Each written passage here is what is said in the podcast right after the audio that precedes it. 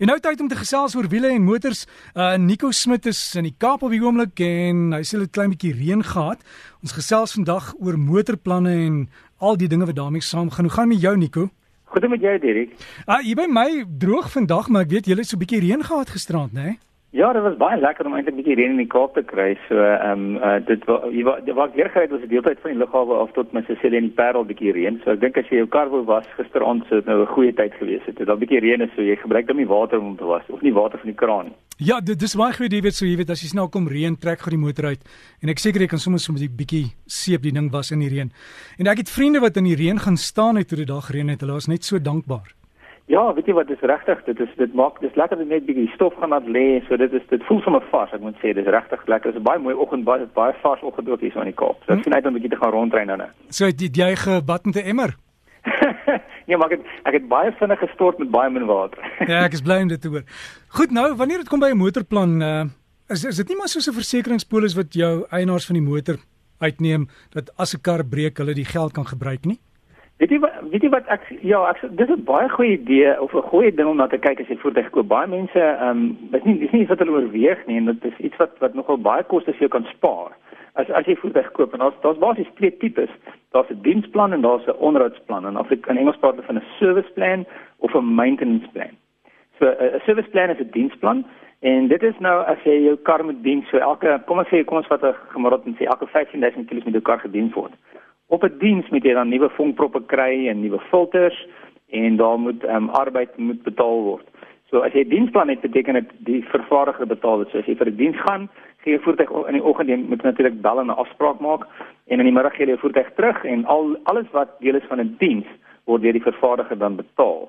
Ehm um, dan het baie vervaardigers en dis um, meer en meer vervaardigers kry wat jy noem 'n onderhoudsplan of in Engels praat hulle van 'n maintenance plan dan het verskillende verskillende vaardigers het ander name hulle uh, 'n uh, mobility plan of 'n freeway plan of wat ook al maar wat 'n wat 'n diens wat 'n onderhoudsplan is is dit sluit natuurlik die diens um, on, uh, goederes in so alles wat in 'n die diens is plus enige ander meganiese gedeeltes in die kar wat moet kan breek. Met ander woorde kom ons sê vir een of ander rede breek die radkas sal die vervaardiger kom kom ons kom ons vat 'n gemiddeld en sê die die diens die onderhoudsplan is 5 jaar aan 100 000 km. So in daai 100 000 km as die radkas breek vervang die vervaardiger dit.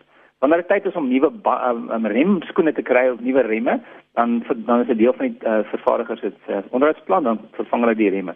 Selfs die ruitveers wanneer dit tyd is vir nuwe ruitveers, dan vervang hulle die die ruitveers. Natuurlik is daar altyd reëls saam met dit en as jy byvoorbeeld jou voertuig baie hard ry en die remme moet op 5000 km vervang word dan sal hulle sê well, ons weet nie ons ons wil dan kyk ons het vervang.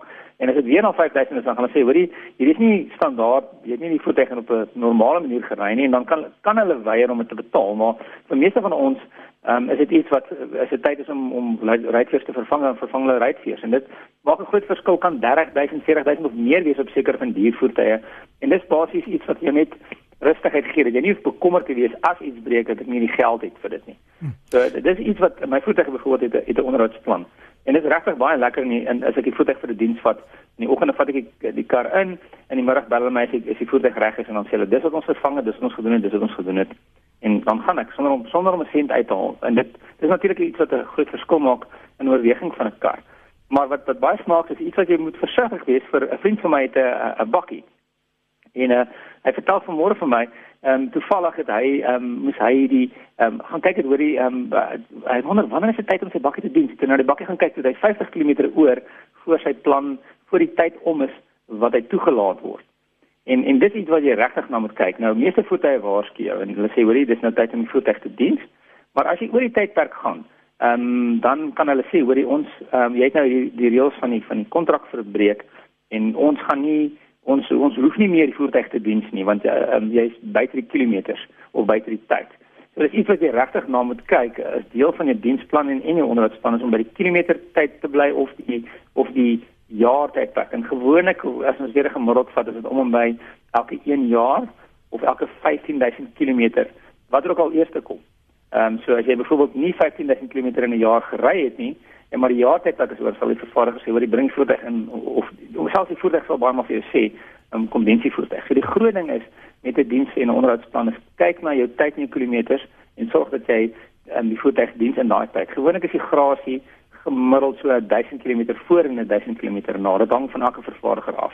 En Nico, as jy weet jy gaan dit nie maak nie, jy's miskien iewers in die buiteland of so, laat die vervaardiger weet, maar hou papierwerk daarvan, want dan kan jy vir hulle sê jy gaan laat wees. Ja, die ding is hulle eh, die vervaardigers Derek um, en dit is 'n goeie idee, maar die vervaardigers eh, is redelik moeilik met sulke goeders ja. want hulle gaan sê luister hierso, ehm um, ons ons jy weet die kilometer is jy het genoeg tyd gehad. So wat ek voorstel is moenie 'n voertuig ry nie, maar uh, hierdie vriend van my het het het na hy hy ry 'n uh, Ford Ranger bak. Hy het na Ford gery die dat die naweek het besef. Het die maandagooggend na Ford gery, die bakkie daar gestop en gesê hoor hierso, ek het ek het nie ek het nie meer baie kilometer oor nie. Ek los die bakkie by julle dien sommer as hy reg is kom sê my.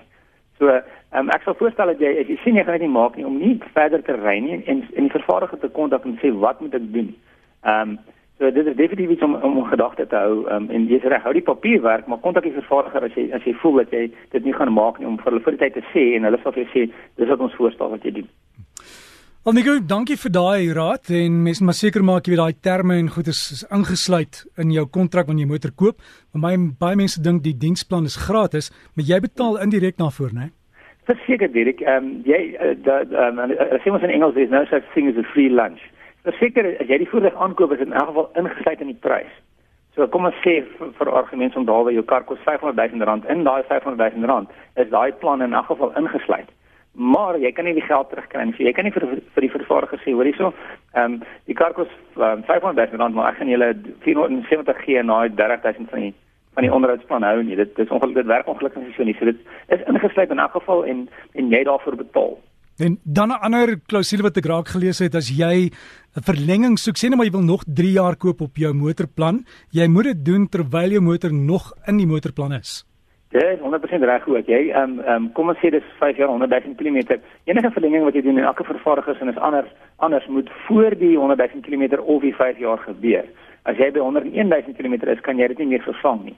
En die die, kostes kan nogal hoog lyk. Aanvanklik as jy dan kyk as die kostes is ehm um, hoë koste, maar dit is weer eens dis daai gerusstelling van weet as iets breek, dan hoef dit nie bekommerd te wees nie. So as jy byvoorbeeld weet, ek gaan die kar hou vir 7 jaar Ehm um, ehm um, is dit baie maal 'n voordeel om wanneer jy voertuig koop, die die die dadelik ehm um, die kilometer in die jaar buite sit en dit dan in te sluit in die aankoopprys van die voertuig, want dan voel jy dit nie so so erg as wat jy na 5 jaar sien nou maar 20000 rand moet uithaal uit jou sak en nie. Dis nogal baie.